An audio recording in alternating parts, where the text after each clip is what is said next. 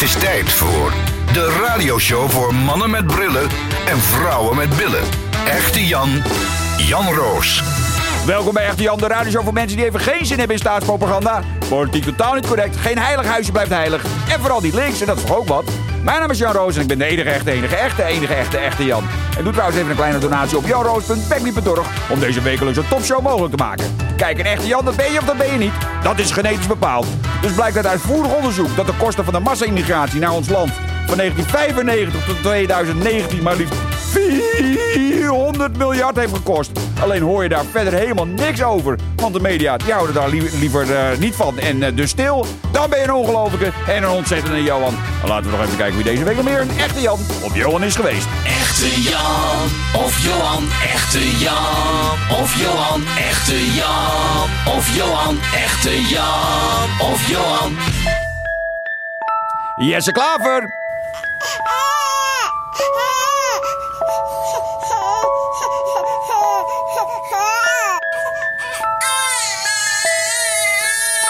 Dat Jesse niet weet wie de bondscoach is, dat zal me eigenlijk werkelijk worst zijn. Maar dat zijn social media medewerkers reageren met een racistische tweet. Namelijk, Met zoveel witte mannen als bondcoach is de vergissing natuurlijk makkelijk gemaakt. ja, dat kan natuurlijk echt niet. Maar dat blijkt nu, dat, dat dus dat de nummer 7 dus van de GroenLinks, die Kautar weet u nog wel, nog veel dieper in de moslimbroederschap zit dan we al wisten. En zonder dat dit dus gevolgen heeft, zeg maar.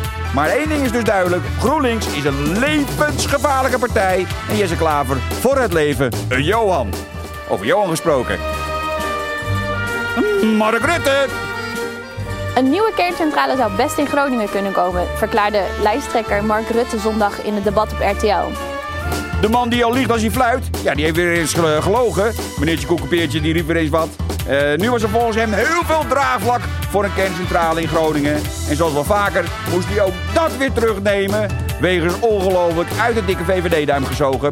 Waarom mensen toch nog steeds op deze pathologische leugenaar stemmen, is mij een volkomen raadsel. Mark Rutte is natuurlijk een Johan voor het leven. Nou, daar hebben we hem hoor. Thierry Baudet. U heeft eerder deze uitzending het NOS Fake News genoemd. Wij hebben daar afstand van genomen eh, als, als programma. Goed hoor, heel Nou. goed van je. Inderdaad. En ja, meneer, maar u lacht er steeds om. Ja, er maar worden dat zo- journalisten. het is Nee, maar er zo worden raar, journalisten. het is zo- Nee, luister. Met steeds meer medelijden zie ik het eh, geestelijke verval van eh, Baudet. Eh, eerst was ik boos dat hij eh, 30 zetels wist te verkloten. En toen moest ik lachen dat hij steeds verder radicaliseerde. Maar nu is het dus eh, eigenlijk medelijden geworden. Ik bedoel, de man is knettergek. Eh, en er komen echt alleen nog maar hele vreemde complottheorieën uit zijn brein. Eh, wat zonde is, want die man is natuurlijk briljant. Alleen ja, hij is over het randje gekukeld. Van briljant naar gek is een heel klein stapje. En het is hem gelukt. In ieder geval Baudet. Ja, die noem ik geen Johan. Maar die noem ik ook geen echte Jan. Die noem ik meer een patiënt. Oh, over patiënten gesproken. Sylvana Simons. Op het moment dat we bijvoorbeeld zeggen dat we een probleem hebben met radicalisering in Nederland, dan is de focus op één vorm van die radicalisering. Maar we hebben radicalisering over de gehele breedte van onze samenleving. Eh, witte jongeren radicaliseren, zwarte jongeren en bruine jongeren. Ja, van de ene patiënt dus naar de andere patiënt. Bij één staat in sommige peilingen dus op één. En ik denk daar eh, tweeledig over. Kijk, we hebben daar natuurlijk genoeg eh, domme mensen zitten in die Kamer. Maar aan de andere kant wordt het natuurlijk wel cabaret. Ik bedoel, neem nou een paar punten in het verkiezingsprogramma van Simons. Een 30-urige werkweek met loonbehoud. Grote boerderijen moeten worden afgepakt van de eigenaar en aan het volk gegeven. Menstruatieverlof. Alle illegale generaal pardon. En de grenzen open voor alles en iedereen. Totaal absurd en verschrikkelijk gevaarlijk. Maar ik verheug me natuurlijk wel op de debatten met die mafketel. In ieder geval, Sylvana Simons is een Johannetta. Echte Jan of Johan, echte Jan of Johan, echte Jan of Johan, echte Jan of Johan. Code Oranje gaat sowieso een zetel halen. Tenminste, dat denk ik zelf. Eh, eigenlijk denk ik er twee, maar goed. En, en dat is maar goed ook, want het wordt tijd dat de volksvertegenwoordiging weer gaat eh, gebeuren zoals het moet. Namelijk eh, het volk vertegenwoordigen in de Tweede Kamer. Wat dus nu niet gebeurt. Ja, we gaan het even bespreken met de nummer drie op de lijst. Tania Hoogwerf van Leefbaar Rotterdam. En natuurlijk ook voor Code Oranje, we eerlijk zijn. En we gaan het even hebben over de agenda die vorige week bekend is gemaakt van Code Oranje. Ja, jullie noemen het dan geen partijprogramma, maar agenda, maar prima. In ieder geval, welkom. Eh, Tanja, ik ga, eh, Tanja, god, doe ik het nu alweer mis. Ik ga het mezelf uitermate makkelijk maken. eh, want ik loop gewoon even een lijst met al die standpunten af. En, en jij gaat dan reageren. En dan ga ik even achterover hangen. Doen. Ja, want waarom niet? In ieder geval, hoe is het met je? Ja, gaat hartstikke goed. Hoe is het met de campagne? Die is op stoom. Ja, we gaan ervoor. Ja, het gaat supergoed. Jij zijn net twee. nou, laten we dan voor drie gaan. Dan heb ik straks ook nog wat te doen. Oh ja, Lijkt dat is natuurlijk wel heel erg leuk. Eh, ik moet eerlijk zeggen dat ik Code Oranje wel steeds meer zie en hoor overal. Eh, wat mij betreft wel een beetje laat. Maar dat komt eigenlijk meer om nou, de, de Code Oranje wel genegeerd is in mijn gevoel. Ja, eh, alle nieuwe partijen vinden ze een beetje lastig. eh Nou, behalve het, eh, Volt, die, die, krijgt eigenlijk alle aandacht. Dat staat maar- al nergens op. Oh, die zijn lekker veilig. Hè? Dus wat dat betreft kunnen ze die gewoon een beetje op het schild hijsen. Het is jong, het is pro-Europa. dat vinden ze lekker makkelijk. Ja, wat gek is, want ik, ik hoorde een podcast van de Telegraaf.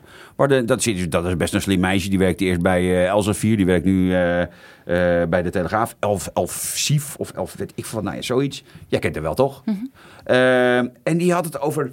Ja, van de nieuwkomers is eigenlijk alleen Volt de enige partij die in de peiling staat. Terwijl zij de hond aanhangen bij de Telegraaf. En daar staat code oranje gewoon in. Uiteraard. Dus, dus de. Telegraaf negeert code oranje en gaat dan vol voor Volt. Dat is eigenlijk helemaal belachelijk. Nou ja, kijk, als ze kijken naar hun eigen achterban, dan weten ze ook wel dat het anders zit. Ik denk dat juist de telegraaflezers, eh, de uitgelezen, grapje dan, eh, kiezers ook van code oranje zijn. En dat zijn ook mensen die zijn het allang zat dat er over hun hoofd heen beslist eh, wordt in plaats van met hun beslist wordt. Dus als ze nou een beetje verstandig zouden zijn, zouden ze de ruimte geven aan code oranje. Ja, want dat, er wordt dan gezegd hè, dat eh, de, de, de, ook een WNL-kijker en de, en, de, en, en, de, en de Telegraaflezer is dan een, een, een eh, VVD-stemmer van middelbare leeftijd die van barbecue houdt.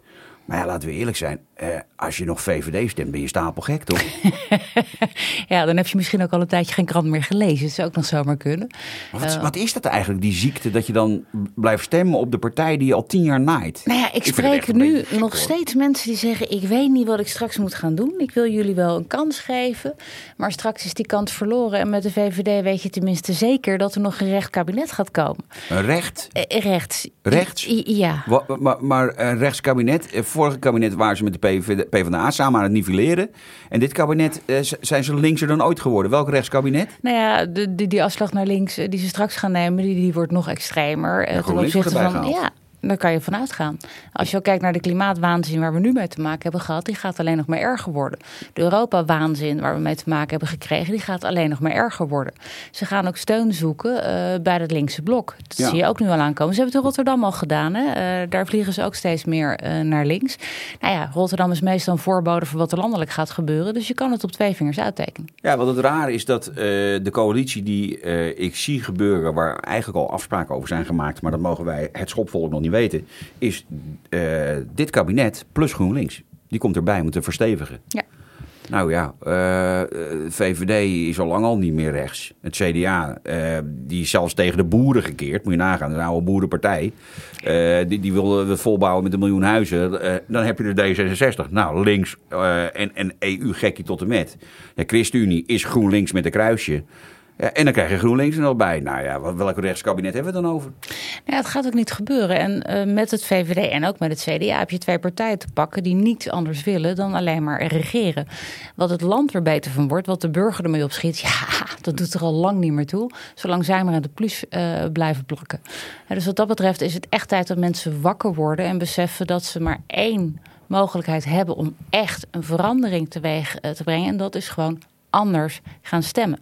Geef nieuwe partijen een kans. En je ziet op lokaal niveau dat het eh, echt een, een wereld van wonderen heeft gedaan. Eh, in Rotterdam zijn we in staat geweest om een verandering teweeg te brengen. In Den Haag heeft Richard met zijn club natuurlijk hetzelfde gedaan. Ja. Eh, lokalo's zijn niet voor niks de grootste partijen op lokaal niveau. Ja. Dat is omdat daar gewoon echt een frisse wind heeft gewaaid. Die frisse wind is nu ook echt nodig in Den Haag. Wil je het anders? Moet je andere keuzes maken? Doe je dat niet?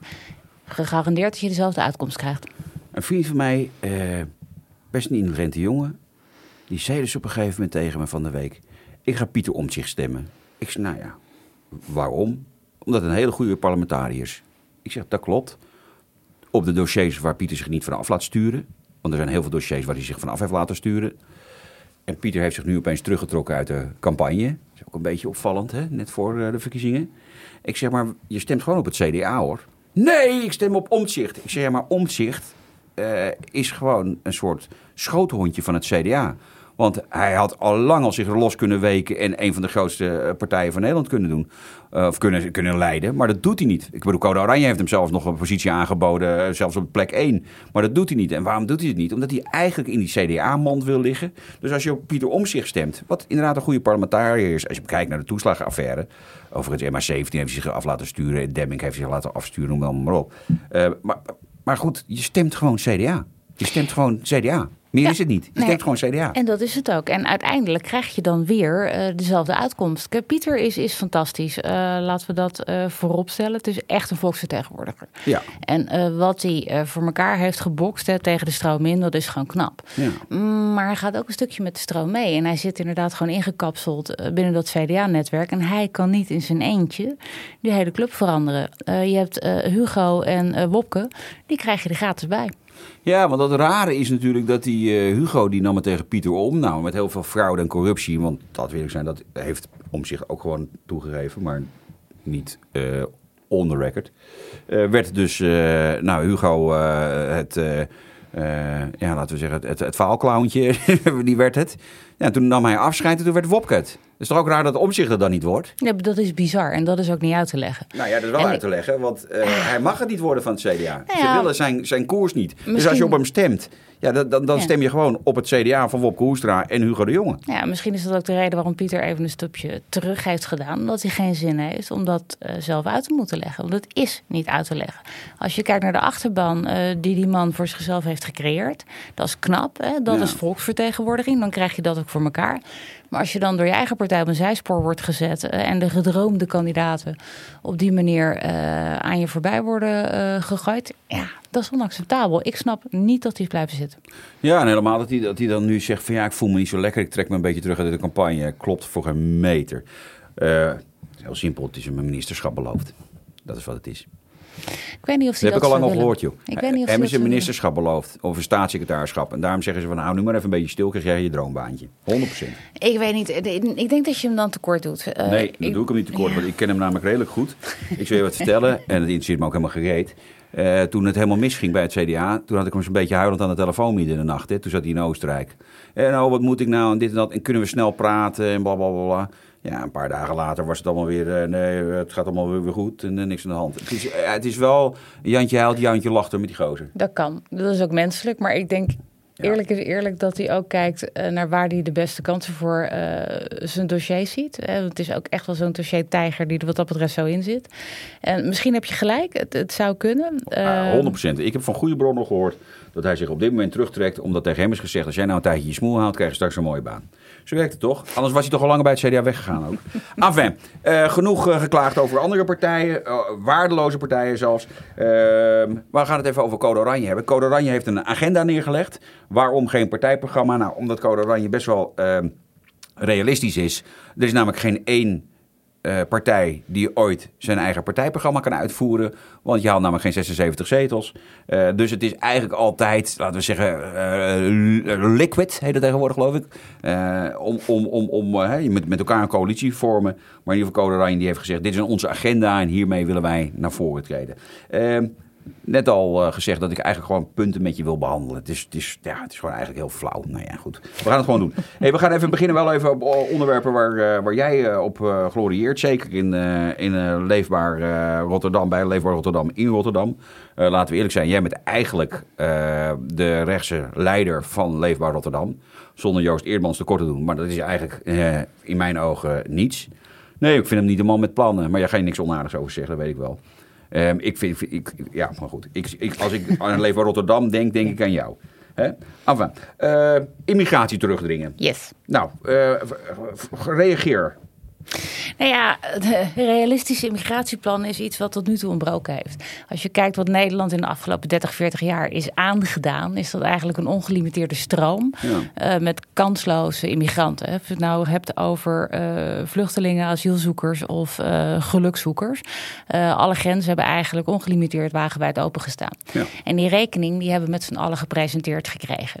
Eh, dat eh, is gelukkig nu een keertje ook becijferd hè, door eh, Jan van der Beek eh, deze week.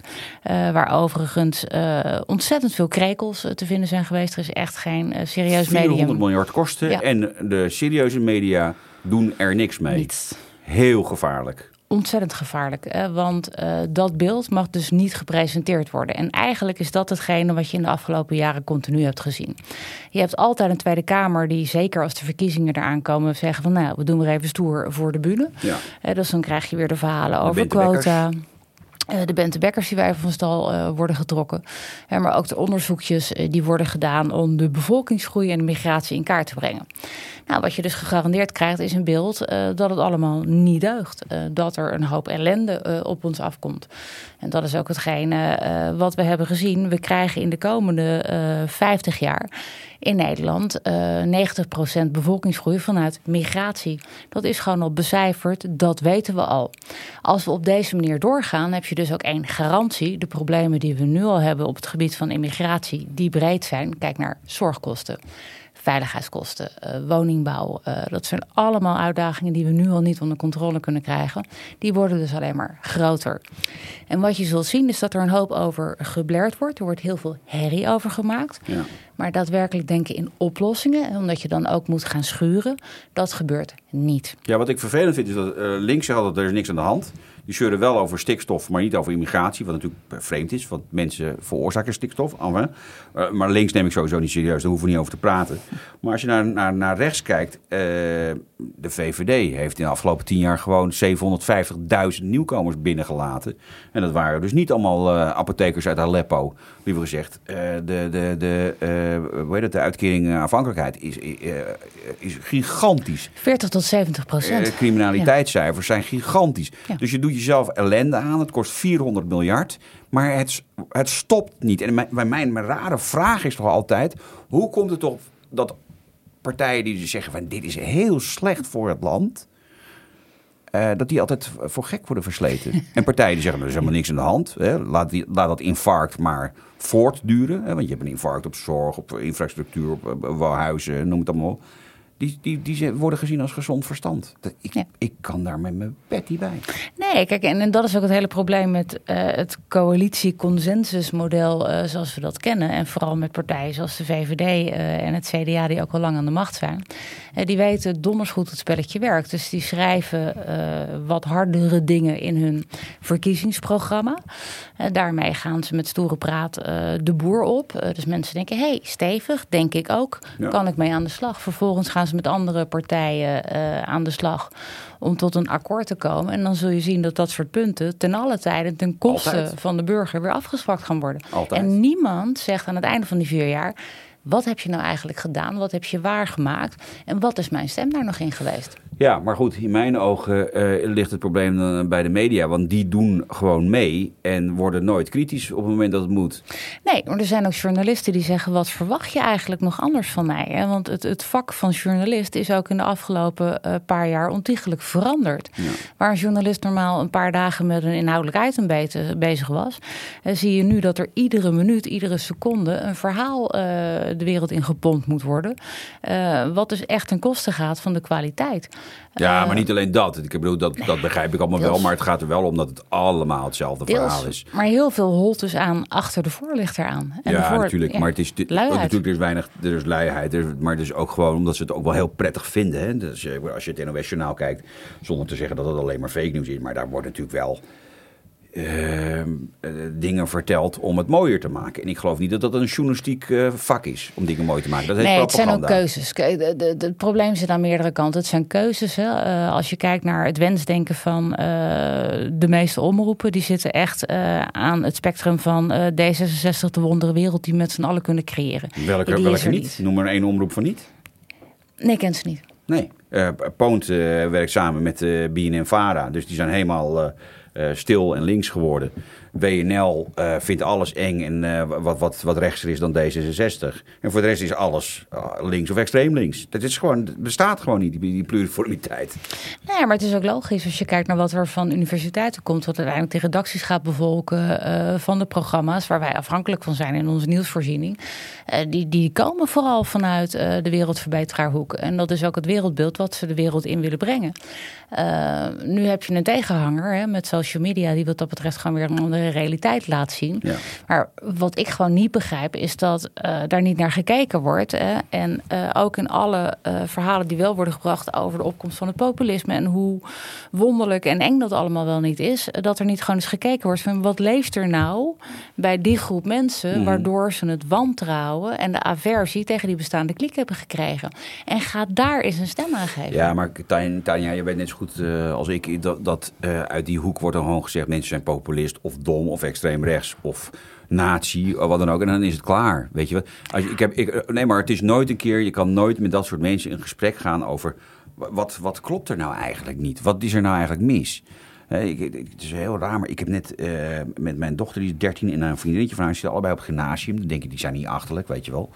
Hebben we de eh, stemwijzer ingevuld. Maar de- het, hoe, die, hoe die meisjes denken van 13 is precies hoe mensen bij, van GroenLinks en D66 ook nadenken. Het is een soort heel kinderlijk wensdenken. En dit is mooi en dat is mooi. En iedere keer als ik het uitleg, zijn ze het met mij eens. Snap je wat ik bedoel? Ja, ja. Eh, Dat, is, eh, eh, dat heb ik vaak met, met, met, met, met, van die wereldverbeteraars. Die, die, die kletsen maar wat. Het, er zit heel weinig ratio in. Enfin, is- la- laten we daarop ophouden. Eh, humane opvang in de regio. Nou, is heel simpel. Je kan alle vluchtelingen in dit land binnenlaten. Wat een heel slecht idee is. Laat ze gewoon lekker in de buurt. Ja, eh, en je ziet ook dat dat eh, veel beter aansluit bij wat uiteindelijk ook hè, de, de wens van de vluchteling zelf is. Ze hebben eh, laatst nog een onderzoek gepresenteerd onder Syriërs die naar Nederland zijn gekomen. Die aarden hier niet. Nee. Ze kunnen hier niet ademen, wordt er dan letterlijk gezegd. Logisch, want we leven hier gelukkig nog in een volslagen andere wereld. Daarom is het ook gewoon aan alle kanten veel zinniger, aan de kostenkant, hè, maar ook aan de humane kant, om gewoon te zorgen voor opvang in de regio. Waarbij uiteindelijk ook echt de gedachte is dat mensen terugkeren. Eh, op het moment dat iemand hier is, heb je één garantie, ze gaan niet meer weg. Ja, maar dat is ook heel gat, schappig, hè? Want, eh, schattig, dat, zo wordt het wel altijd gepresenteerd. Ook door de media, ook door linkse partijen. Van vangen ze nu even op en dan gaan ze straks weg. Maar we geven ze een gratis huis en uitkeringen. Ze mogen voor 10 euro bij Ikea Ik heb, shoppen. ja, ik- ik denk- VVD, hè, we hadden het net al over in Rotterdam. Briljant hoe de visie op de maatschappij is. We hadden een discussie over de Turkse en Syrische weekendscholen die worden gefaciliteerd ook in Rotterdam. Ja. Er stond een interview eh, in de krant eh, met eh, iemand die zo'n Syrische weekendschool heeft gefaciliteerd.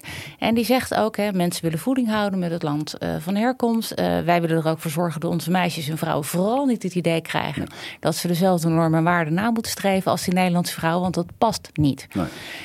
Dan weet je dus al dat dat weer een generatie is die gewoon volslagen met zijn rug naar de Nederlandse samenleving staat. Wat zegt de VVD? Dat gaan we niet aanpakken, want ze gaan toch weer terug. En poepoe leefbaar, hoe kunnen jullie nou de scholen willen eh, verbieden? Want jullie willen toch juist dat ze weggaan? Ja, we zijn niet zo naïef. Eh, Op het moment dat je zeker wil weten dat je eh, blijft staan voor eh, wat Nederland zou moeten zijn, hè, een vrij en tolerant land, moet je er ook voor zorgen dat je die kernwaarden ten alle tijde voorop zet en blijft verdedigen. Ze gooien het weg. Ze geven het weg. Het maakt ze niet uit. zolang ze maar voor de bühne weer iets geroepen kunnen hebben, is dit waar ze ons mee opzadelen. Weet je wat ook zo grappig? Als je echt de totale gekheid wil samenvoegen, dan zie je dat in de gemeenteraad van Amsterdam. Ieder geval de coalitie daar, dus extreem links en, en knettergek. Eh, die hebben die illegale opvang. Hè? Dat, vinden zij, want niemand is illegaal, dat hele lulverhaal. Eh, prima. Eh, ze komen wel altijd naar een verzorgingsstaat Nederland om daar, daar eh, gebruik van te maken. Het is niet dat mensen zeggen, iedereen is van de wereld en de wereld is van iedereen. We gaan nu in China wonen. dat gebeurt er nooit. Maar goed. Eh, maar, maar, eh, dus die hebben de illegale opvang. Hè? Dus bed, bad, brood alleen en uitgebreid. Mensen die krijgen gewoon huizen. Voorrang op autochtonen natuurlijk, want dat is verschrikkelijk volk. Ehm, en ik heb toen op een gegeven moment daar wat onderzoek naar gedaan. Weet je wie de hoofdmoot daarvan betaalt? Nou, dat is de overheid. Nederlandse Rijksoverheid. Dus het is geen Amsterdams eh, project. Het is voor 60%, 65% wordt gefinancierd door de Rijksoverheid. Dat is door de, alle Nederlanders. Die betalen dus opvang voor mensen die moeten opdonderen. En, dat, en die deal tussen de gemeenteraad Amsterdam is, is gesloten met Wekers van de VVD. Dus Wekers van de VVD, van de partij dat ze zeggen... ja, illegale moeten... Ze willen nu weer, volgens mij willen ze het nu weer verbieden, illegaliteit. Dus de, de- ieder vier jaar roepen ze dat en ze doen het nooit. Er staat namelijk nooit eh, in het coalitieakkoord. Eh, maar de VVD werkte dus aan mee dat mensen die moeten weggaan... eh, een huis krijgen met voorrang op autochtone Nederlanders. Dat is de VVD. Verbaast het je nog? Eh, nee, maar al die VVD-stemmers, die weten dat niet. Want die zeggen, ja, dat is goed voor de ondernemers. Eh, een referendum over het immigratiequotum eh, wil de Code Oranje. Ja. Eh, vertel. Eh, noodzakelijk. Ehm, kijk, er zullen altijd mensen zijn eh, die recht hebben op een veilig plekje, omdat ze gewoon in het land van herkomst eh, hun leven niet zeker zijn. Hè? En de meeste mensen, eh, ik denk 99%, vindt ook dat daar plek voor moet zijn. Ja, maar net, maar net wil je de opvangen in de regio.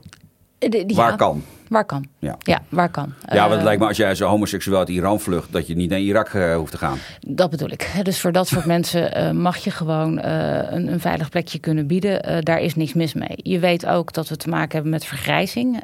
Dus dat er uiteindelijk mensen vanuit andere landen zullen moeten komen om bij te dragen aan de arbeidsbevolking. Ja, Anders hebben we straks- moeten ze beginnen met kinderen te maken. Dat kan ook wel helpen.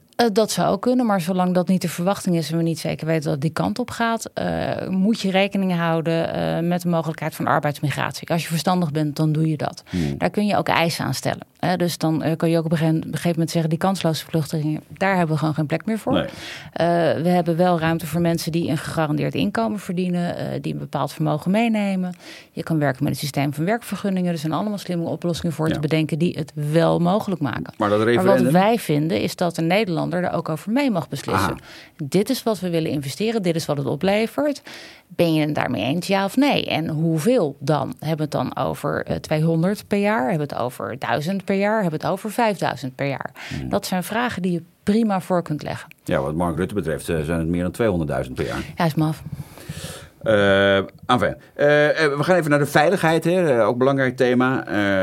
Terugkeer van de wijkagent. Ja, hard nodig. Eh, ze hebben ook een onderzoek gedaan hè, naar de omvorming van eh, de lokale korps naar het nationale korps. En eh, een van de grootste mislukkingen die daar ook door het korps uit berekend is, is het wegvallen van die wijkagent. Omdat Waarom, waarom zijn die eigenlijk weg? Wat, is, wat was daar het idee achter? geld. Gewoon ordinaire bezuinigingsronde. Dus, dus iemand met voeling van een wijk, die haal je weg. Tuurlijk. Want dat is handig. Ja, dat noemen ze geloof ik pennywise, eh, pound foolish in eh, goed Nederlands. Ja. Uh, maar dat is dus het stuk kennis, het stuk voeling wat die wijk uitholt, uh, wat je nooit meer terugkrijgt. Dus je ziet ook de, alle studies die nu ook zijn gedaan over criminele ondermijning, wat echt een van de grootste kostenposten is waar we op dit moment mee te maken hebben. Juist het feit dat we niet meer weten wat er speelt in die wijken, dat zorgt voor nog meer ellende. Ja. Het gevoel van onveiligheid is ook zoiets wat je niet beet kan pakken. Want het kan wel zo zijn dat er misschien minder inbraken zijn uh, op straat, maar als je niemand meer kent, uh, het straatlampje uh, kapot is, je je buurman niet meer aan kan spreken omdat hij een andere taal spreekt, dat gevoel van onveiligheid is ook versterkt doordat dat wijkbureau weg is, die wijkagent weg is. Ja. Onbetaalbaar. Die mensen moeten terug. Ja, het raar is, wij hebben in, in ik woon dan in Bergen, Noord-Holland, wij hebben dus een wijkagent.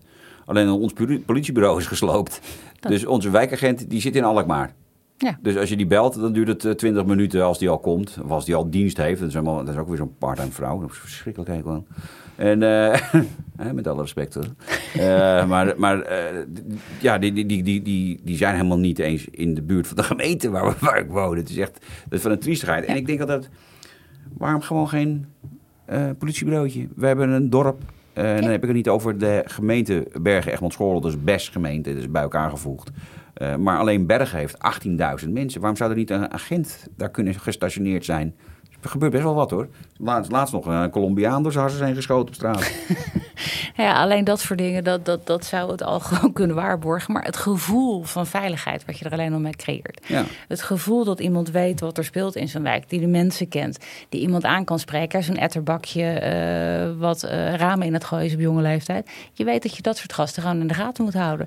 Daar is een wijkagent bij uitstek geschikt voor. Weet je wat nou ook weer zo? Ik, ik, ik heb vandaag niet mijn beste dag. Ik begin overal zagrijnig om te worden. Weet je wat ze dus ook doen met, die, met zeg maar, de wijkagenten tussen haakjes die nog bestaan, maar die niet meer in de wijken zitten?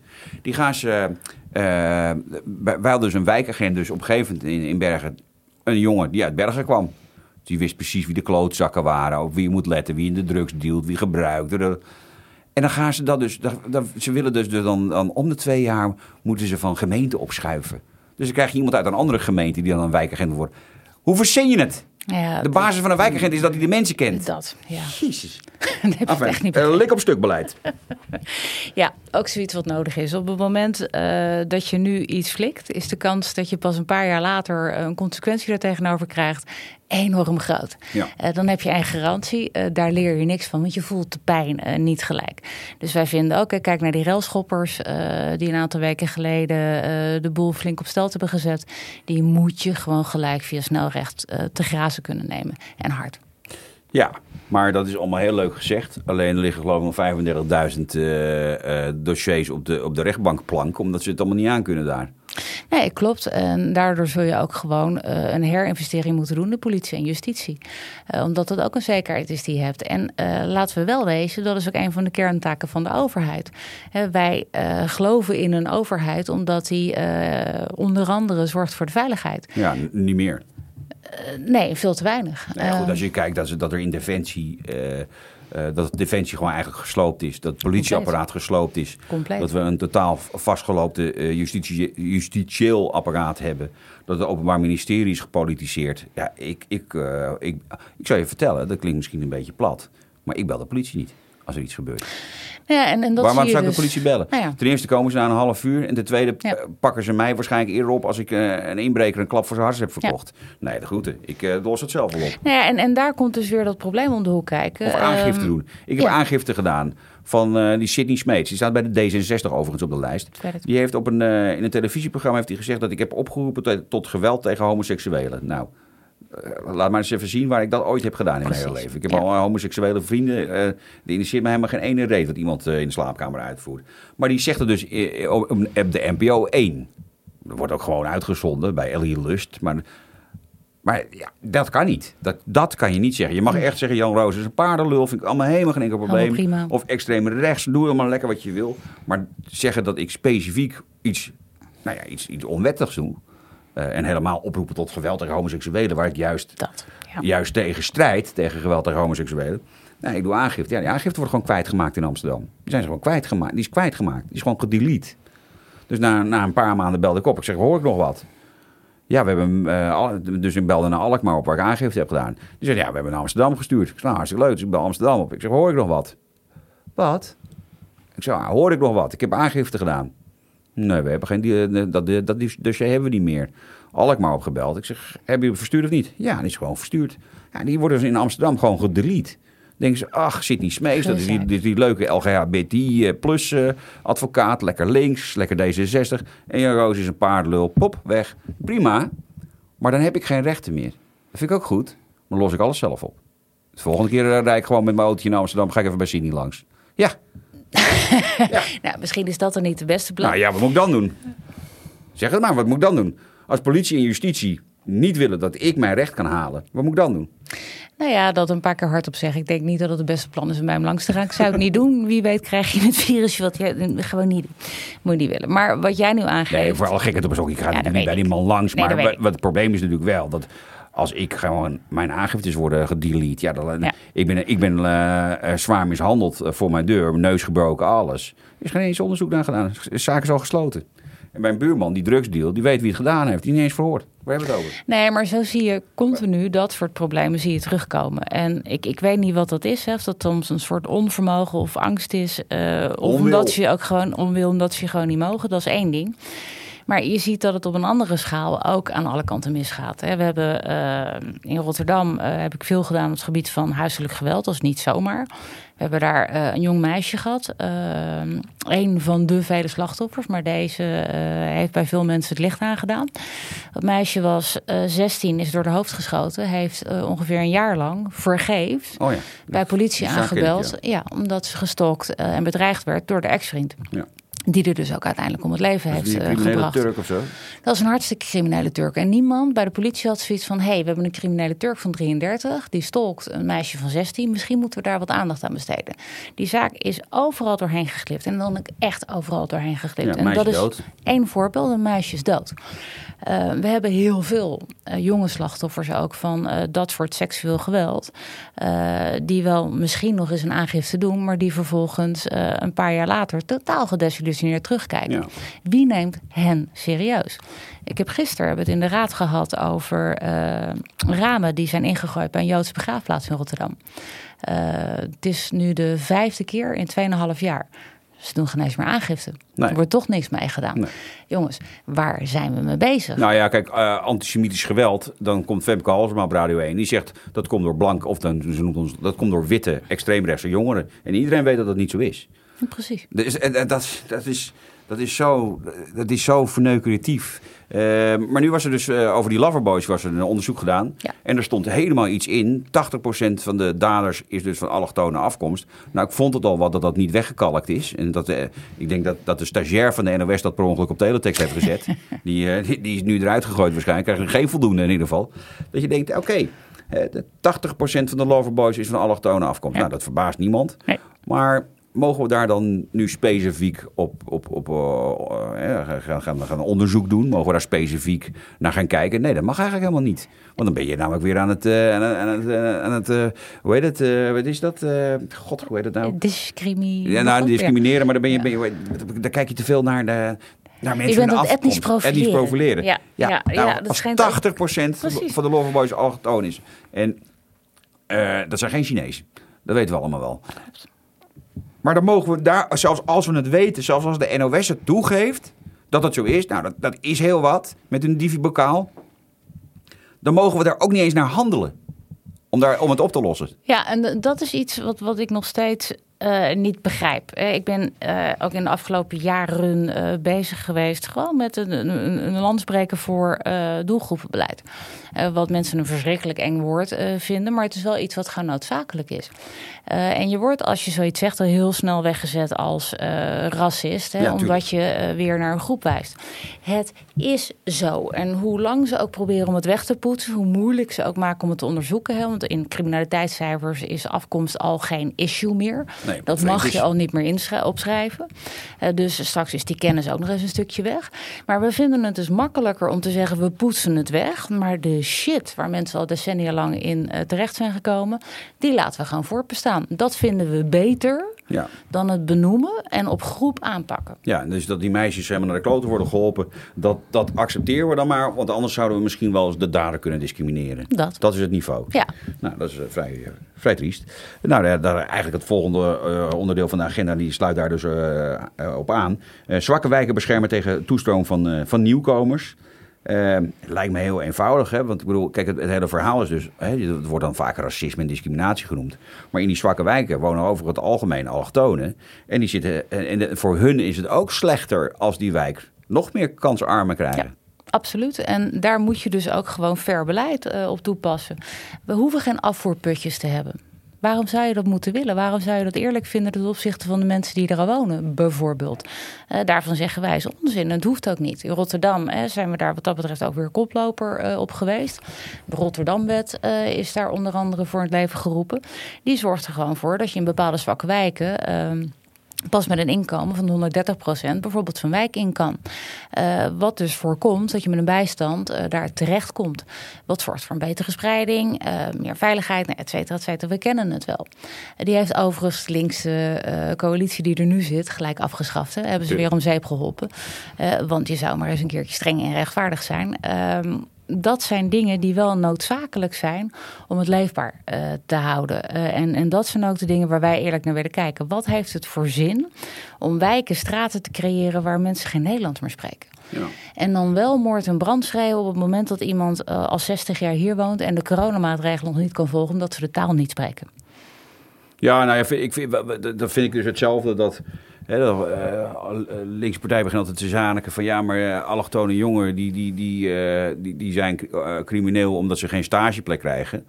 Nou, ik zou je vertellen, eh, ik denk dat het eerder aan het, eh, aan het taalniveau ligt. En het taalniveau krijgen ze natuurlijk niet mee van huis uit. Maar als de hele buurt ook eh, alleen maar mag allemaal gallen spreken, ja, dan heb je er ook geen moer aan. Nou ja, het is het taalniveau. Het is ook het idee eh, dat het niet hoeft. Hè. Ik kan me één voorbeeld herinneren van, van Abu Talib. Die was Rotterdam-Zuid, een Somalische moskee. Eh, op werkbezoek. En die werd daar aangesproken door een groep jongeren. Die zeiden, wij worden uitgesloten, worden gediscrimineerd... want we komen niet aan werk, eh et cetera. Oké, als jij zegt dat dit jouw probleem is... gaan we het voor je regelen. Dus volgens mij een maand later had hij een banenbeurs geregeld. Er stonden werkgevers met concreet banen. Hoeveel jongeren kwamen er opdagen? Eh, Drie. Ja. Drie hele. Eh, en de rest van die grote groep die daar had staan klagen over discriminatie en uitsluiting, die hebben we niet meer gezien. maar 80% van de Somaliërs zitten in de bijstand. En dan hebben we nog niet eens over de andere uitkeringen. Dus bijna, Ja. die, die hele bevolkingsgroep zit bijna in zijn geheel Ja. in een uitkeringssituatie. Ja. Eh, dus, maar het is lekker, ik, ik eh, gediscrimineerd is makkelijk roepen, maar eh, ik werken, dat zit er dan even niet bij. Nee, en tel daar het probleem met criminaliteit en drugs-economie bij op, hè, de narco-staat Nederland. En je komt nog verder in de problemen. Tromp en Tops, twee criminologen, hebben een onderzoek gedaan, onder andere in Tilburg. Eh, in Tilburg is een eh hennep-economie ontstaan, hè, gewoon vanuit de wietteelt, eh, die ongeveer even groot is qua economische omvang als de totale gemeentebegroting van Tilburg zelf. Ze weten ook dat met name heel veel Turkse families, families werkzaam zijn in die kweek. De een heeft een zoldertje voor, de ander gaat knippen, de ander eh, distribueert. eh, en zo houden we elkaar in stand. Hebben ook nog steeds een uitkering, eh, vergis je niet wat dat betreft. Maar waarom zouden ze naar school gaan, een stageplek gaan zoeken en een baan zoeken? Dat is hun verdienmodel. Ja, nou ja, dat, dat laten lopen en laten gaan, dat lijkt me ontzettend onverstandig. Maar goed, daar wil Code Oranje dus wat aan doen. Yes. En dat was mooi. Tanja, ik praat zo even met je verder, want er is nog iemand die wat kwijt wil. Het is ongelooflijk, maar het is uh, Lavia Roosel.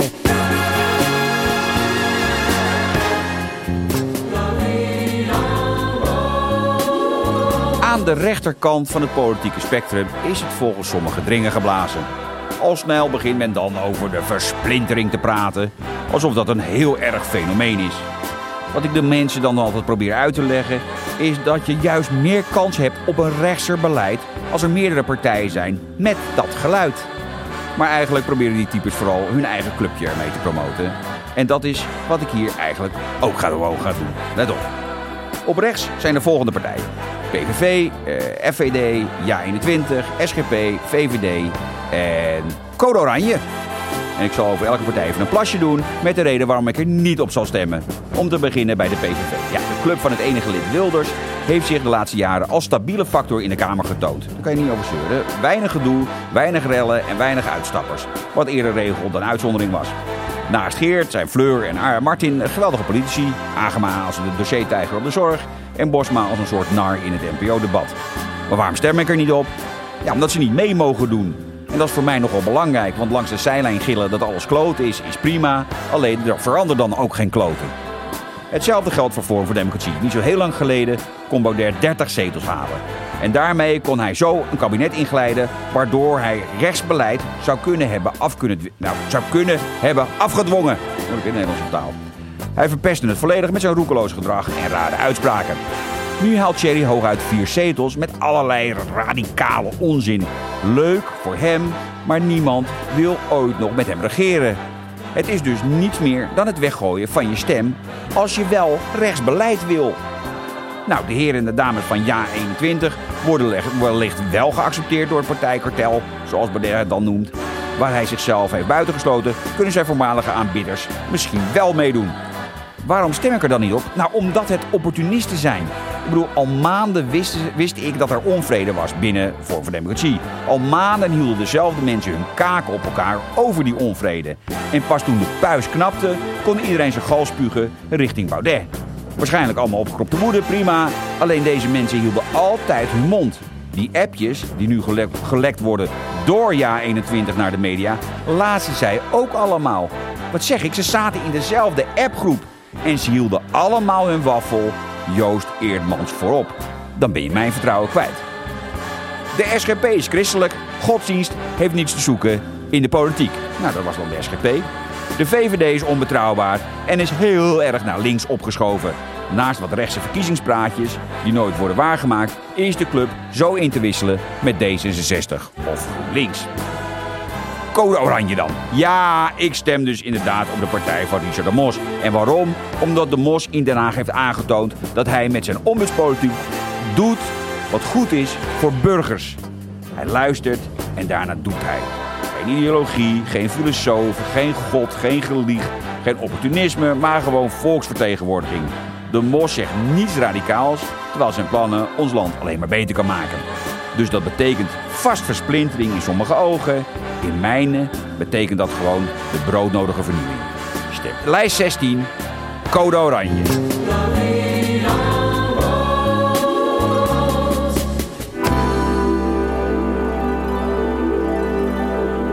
Lang niet slecht, Jan. Ik praat verder met Tanja Hoogwerf van eh, Code Oranje over de agenda dus van die partij waarmee ze dus de Kamer willen bestormen. En ik zeg eh, net al eh, stem erop, maar dus dat zeg ik nu niet meer. Even over de zorg, Tanja. Terugkeer naar het ziekenfonds. Waarom? Ehm, om het eerlijk te houden. Je ziet nu dat er echt, echt, echt gigantische problemen ontstaan door mensen die in de problemen komen door kosten die zorggerelateerd zijn. Die zorg gaan mijden, wat uiteindelijk alleen maar een enorme kostenpost oplevert. Ja. Wij zeggen ga terug naar vroeger. Dat was gewoon een stuk eerlijker. Eh, dan heb je ook voor iedereen dezelfde gegarandeerde zorg. Doen. Ja, maar eh, jullie willen ook afschaffen van het eigen risico, eh, wat elk jaar weer verhoogt. En de, wat je er allemaal voor krijgt, wordt elk jaar minder. Dat vind ik altijd wel heel grappig. Ik betaal graag meer voor meer en niet meer voor minder, maar goed. Eh afschaffen van eigen risico en terug naar het ziekenfonds. Dat zijn ontzettende dure eh, stappen, hè? Ja, is het ook. Maar als je kijkt naar de verdeling van het geld eh, in de zorg, die kan echt, echt, echt een stuk efficiënter, een stuk eerlijker en een stuk eenvoudiger vooral. En als je kijkt naar de besparing die dat oplevert, daarmee kun je het voor elkaar krijgen. Oké, dus het is niet zo dat we, dat we meer moeten betalen om straks minder te kunnen betalen. Is in andere landen ook niet het geval, kan hier ook. Dus je kan, de, je kan dat eigenlijk de kosten gelijk houden, alleen efficiënter inzetten. Ja. Eh, kijk bijvoorbeeld alleen al naar het stuk jeugdzorg, hè, eh, waar ik mezelf in Rotterdam ook nadrukkelijk mee bezig heb gehouden. Er zit ongeveer 40% administratieve kosten in eh, de hele post die er naartoe gaat. 40% van een paar miljard, landelijk gezien, dat is een hoop geld. Ja, en, en in de- jeugdzorg, wat ik er altijd van lees en hoor, is dat er dan op, op één dossier 48 verschillende parttime vrouwtjes werken. Heb je ze weer? Maar in ieder geval, nee, maar dat, ze, dat, dus dat, dat, het, dat er allemaal gestapeld wordt in zorg en daardoor eigenlijk niemand verantwoordelijk. Dat is het probleem, Dus dat kan ook een stuk minder en een stuk beter. absoluut. God zeg ik, eh, ik, ik kan zo de politiek in als je mij vraagt. Goed, de terugkeer van het uh, bejaardenhuis, daar ben ik zelf echt groot voorstander van. Maar Code Oranje wil dat dus ook. Ja, het is ook echt iets wat noodzakelijk is. Eh, we hebben mensen die keihard, keihard, keihard hebben gewerkt eh, aan een beter Nederland. Hebben we nu weggepropt in een aanleunwoningje zonder enige vorm van aandacht, zonder enige vorm van zorg. Ze moeten zichzelf maar redden. Dat noemen we dan een participatiemaatschappij. Oh ja. Ze mogen blij zijn als er één keer in de week een wijkverpleegster langskomt die nog even hun billen wast. En voor de rest laten we gewoon verpieteren. Maaltijden mogen ze zelf voor zorgen, noem maar, maar op. Het is echt te triest voor woorden. Gewoon een goede oude dag uh, met een beetje menselijkheid, een beetje gezelligheid, een beetje gewoon uh, de menselijke maat.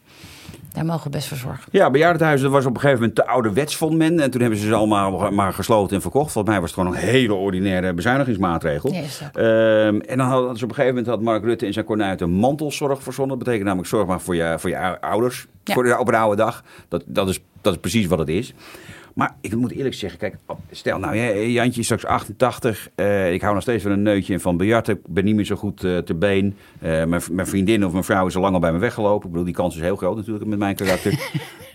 Dan denk ik dat ik het best wel fijn zou vinden om in een bejaardenhuis te zitten. Waar je, ja. waar je ook wat te doen hebt. En waar andere mensen.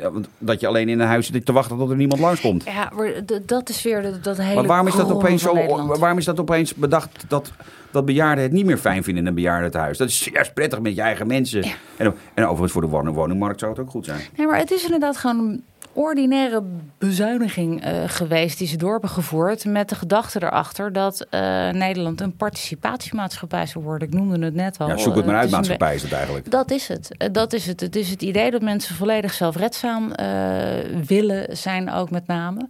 en dat de mensen om hen heen het wel gaan regelen. En je ziet dus dat dat falikant is mislukt. En dat mensen gewoon verpieteren. Ja. en wat ik al zei, ehm, ja, een, een niveau van zorg moeten accepteren die echt beneden de maat is.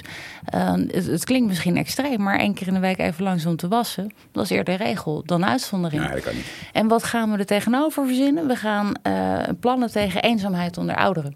Oh ja. Gaan we nu bedenken. En daar gaan we dan ook een mooi verkiezingsprogramma omheen draaien. En daar gaan we mee scoren.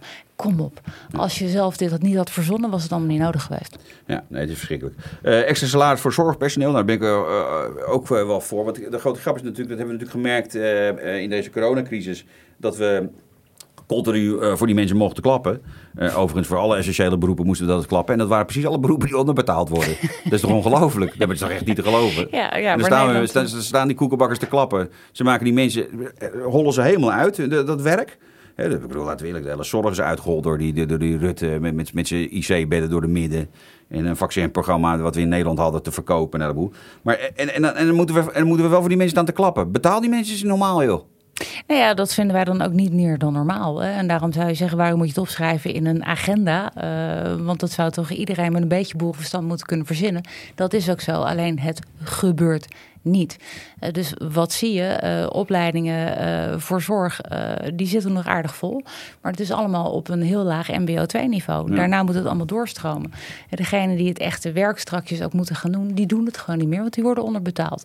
Ga er dan ook nog eens een keertje naast leggen... dat ze nergens aan een betaalbare woning kunnen komen. Want dat is natuurlijk probleem twee. Ja. Kinderen nergens normaal onderwijs kunnen, kunnen krijgen... want we hebben ook nog eens te maken met een lerarentekort... vanwege ongeveer hetzelfde probleem. Ja, zo hetzelfde. En zo tel je het op. Iedereen is een beetje eh, vergeten dat alles ehm, met elkaar moet samenhangen. En als we dat niet doen, eh, als we denken dat we één elementje uit zo'n samenleving kunnen plakken en daar wel een stukje op kunnen bezuinigen, dat de rest van het kaartenhuis dan misschien niet helemaal goed meer past en in elkaar dondert. Ja, maar goed, kijk, ik- jullie willen dan extra eh, salaris voor zorgpersoneel, maar ook bijvoorbeeld voor politie. Nou, mijn, mijn zwager was politieagent in Rotterdam. Die zei op een gegeven moment, ik ga me toch niet voor mijn bas laten schieten voor 2300 euro per maand. Die, die, die verdient 2300 euro bruto per maand. Inclusief weekenddiensten. Dat. Eh, en dat is gewoon een, een gevaarlijk beroep. Zeg. En, en uitgescholden en meppen en nachtdiensten en, en weet ik veel wat allemaal voor ellende allemaal. Hoe, hoe, waarom, waarom, en, en moeten we wel weer klappen voor die mensen. Geef die mensen zo'n normaal salaris, joh.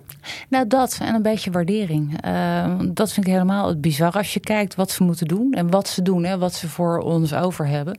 En, en dan kan je wel af en toe zo'n een beetje kritisch zijn over eh, het niveau van dienstverlening wat door de politie geleverd wordt. Ja. Maar dat ligt niet aan die agenten. hè. Dat Nee. ligt echt aan de overheid die het gewoon eh, wat dat betreft zo heeft ingeregeld dat ze soms niet anders kunnen. Nee. Maar als je kijkt wat ze doen, waar ze voor staan, eh, wat ze betaald krijgen en wat voor berg ellende ze ook nog eens over zich heen krijgen.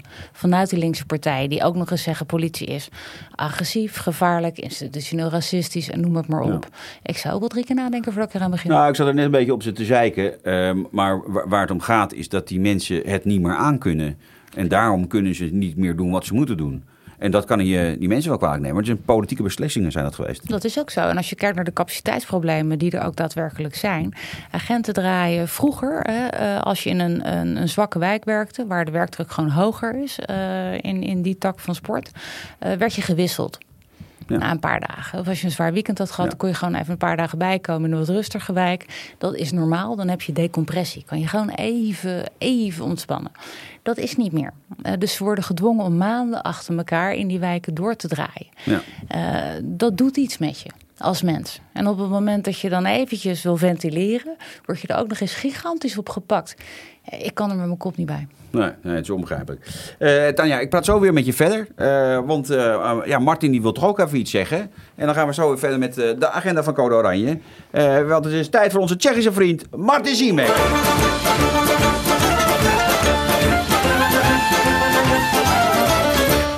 Martin heeft er deze week totaal geen zin in. Want Martin is het helemaal zat. Dus Martin zegt, tot volgende week.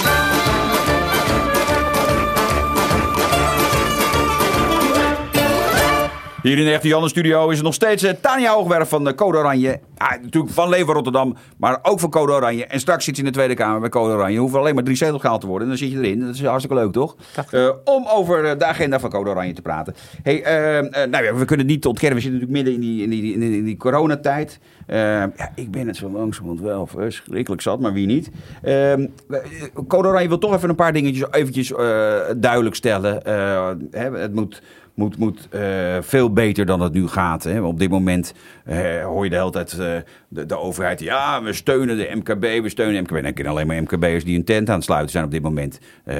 Mijn vriendinnetje, ik hoef niet heel, iedere keer het voorbeeld te gebruiken... heeft 0,0 steun gehad. Ja, arm kind is technisch failliet. En hij, hij ziet op televisie, maar die gozer dat roepen we, we, we steunen iedereen. Enfin, jullie willen een herstelfonds MKB ZZP. Hoe ziet dat eruit? Nou ja, het is zoals je het al aangeeft. eh, als je kijkt naar de mensen die nu buiten de boot vallen eh, bij de steunmaatregelen, dat zijn over het algemeen de kleinere ondernemers, Ja. eh, de ZZP'ers.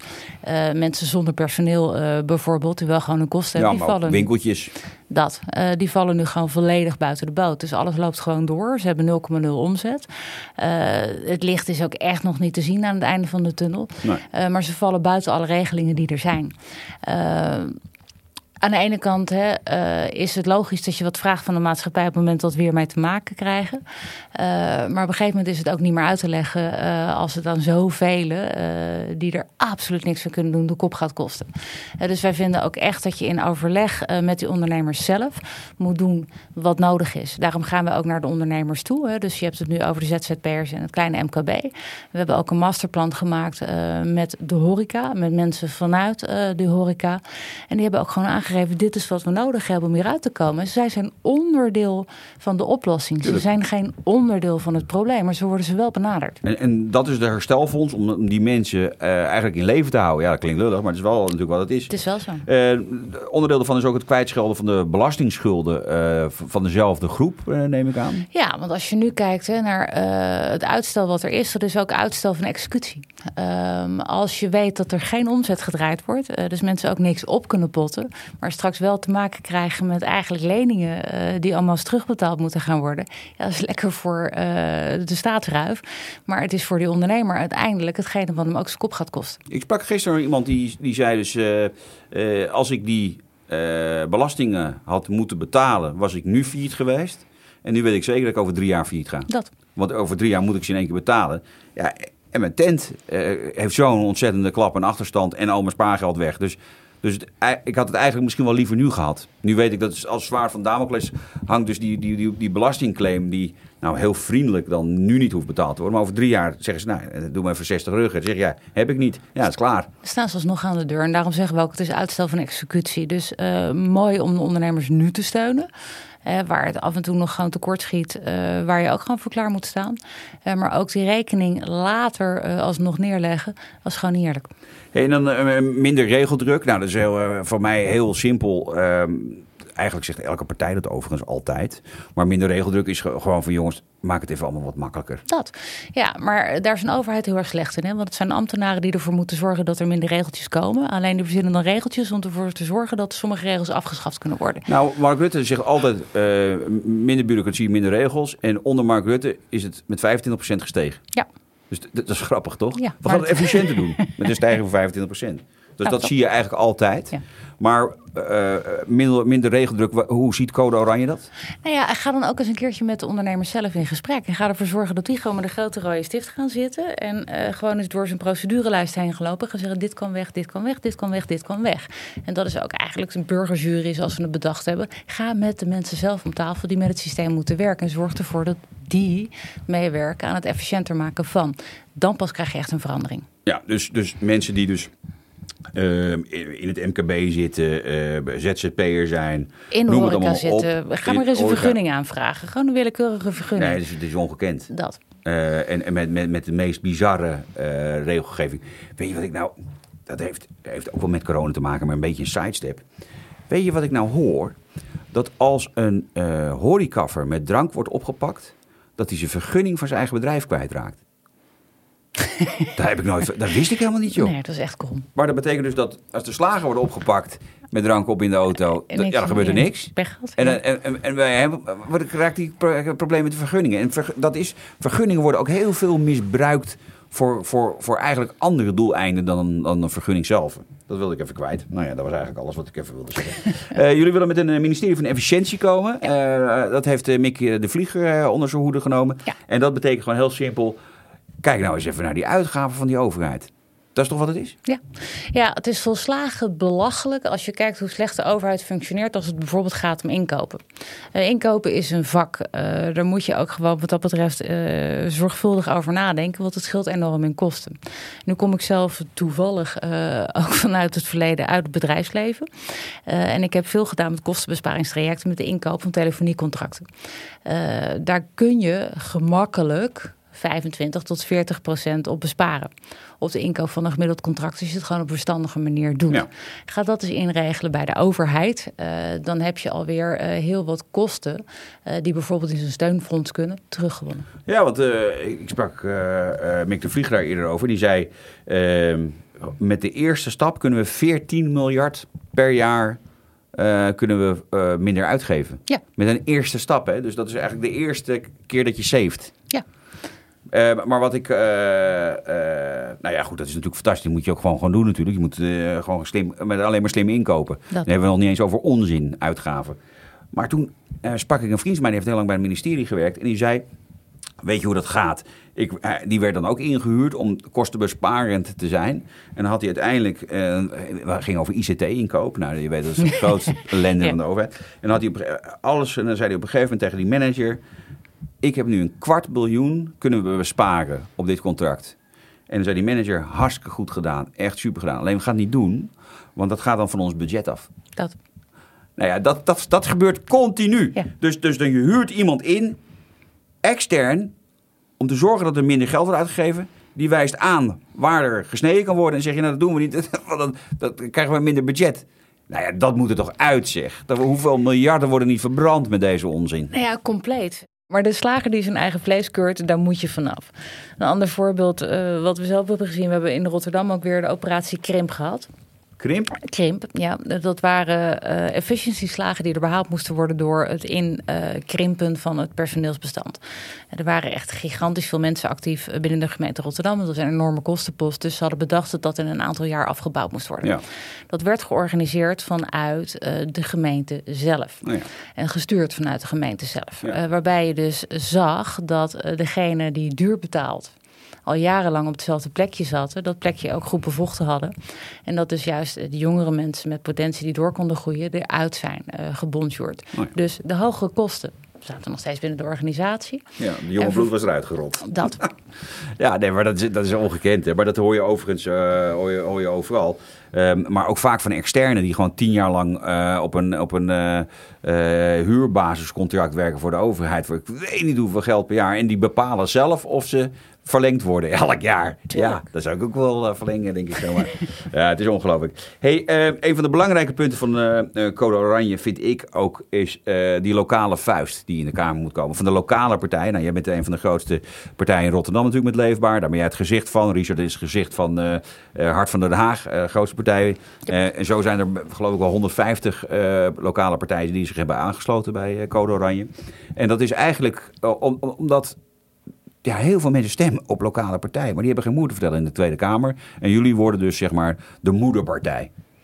Ja, dat is uh, de gedachte waarbij, uh, en dat is ook de kracht van lokalo's, uh, het gewoon een eigen partij blijft. Hè? Dus een eigen autonomiteit, die behouden ze. Want dat is nou juist hetgene waar mensen het vertrouwen uit krijgen. Dat ze weten met wie ze te maken hebben. En dat degene met wie ze te maken hebben ook weten wat er bij hun in die wijk speelt. Ja. het is echt niet voor niks dat bij lokale verkiezingen 30% van de stemmen naar lokale partijen gaan. die zijn namelijk niet zo vervlochten met Haagse belangen, met Haagse dogma's. Maar dat zijn nog volksvertegenwoordigers. Ja, die stemmen altijd lokaal. Altijd. Ja, en dat zijn uh, degenen waarvan wij zeggen, uh, we kunnen heel veel op dat lokale niveau. Want er wordt ook echt heel veel geregeld. Uh, maar die paraplu, die zit nog steeds in Den Haag. En zolang die paraplu er is, en die zal er eigenlijk voor altijd wel grotendeels blijven, moet je daar zorgen voor goede randvoorwaarden voor de lokales om het ook goed te kunnen regelen. dat gaat om zorg, het gaat om veiligheid, het gaat om heel veel aspecten van het dagelijks leven waar mensen altijd mee te maken zullen hebben, die gewoon beter ingeregeld moeten worden. 100%. Uh, Tanja Hoogwerf, uh, ontzettend bedankt dat je hier was. Uh, nou, volgende week de laatste, want daarna zijn de verkiezingen natuurlijk. Ik hoop dat, dat Martin Simic dan wel komt. Gewoon lul niet. Ik heb er geen zin in, dat zeg je er niet. enfin, laten we natuurlijk hopen, Tanja, dat, dat jullie in de Kamer komen. En stemmen allemaal natuurlijk Code Oranje. tot slot nog eventjes natuurlijk de vraag ter vragen. hoeveel worden het er 17 maart? 15, 16 mag ook wel stemmen, geloof ik. Maar hoeveel worden het? Uitslag? Het worden er zeker drie. Daar gaan we vanuit. Uh, en als we het verrassingseffect meekrijgen, uh, omdat Pijnen er nog steeds altijd naast hebben gezeten, zes. Zes? Zes. De dat zou toch mooi zijn. In ieder geval, uh, luisteraars bedankt en tot volgende week. Nou, dag!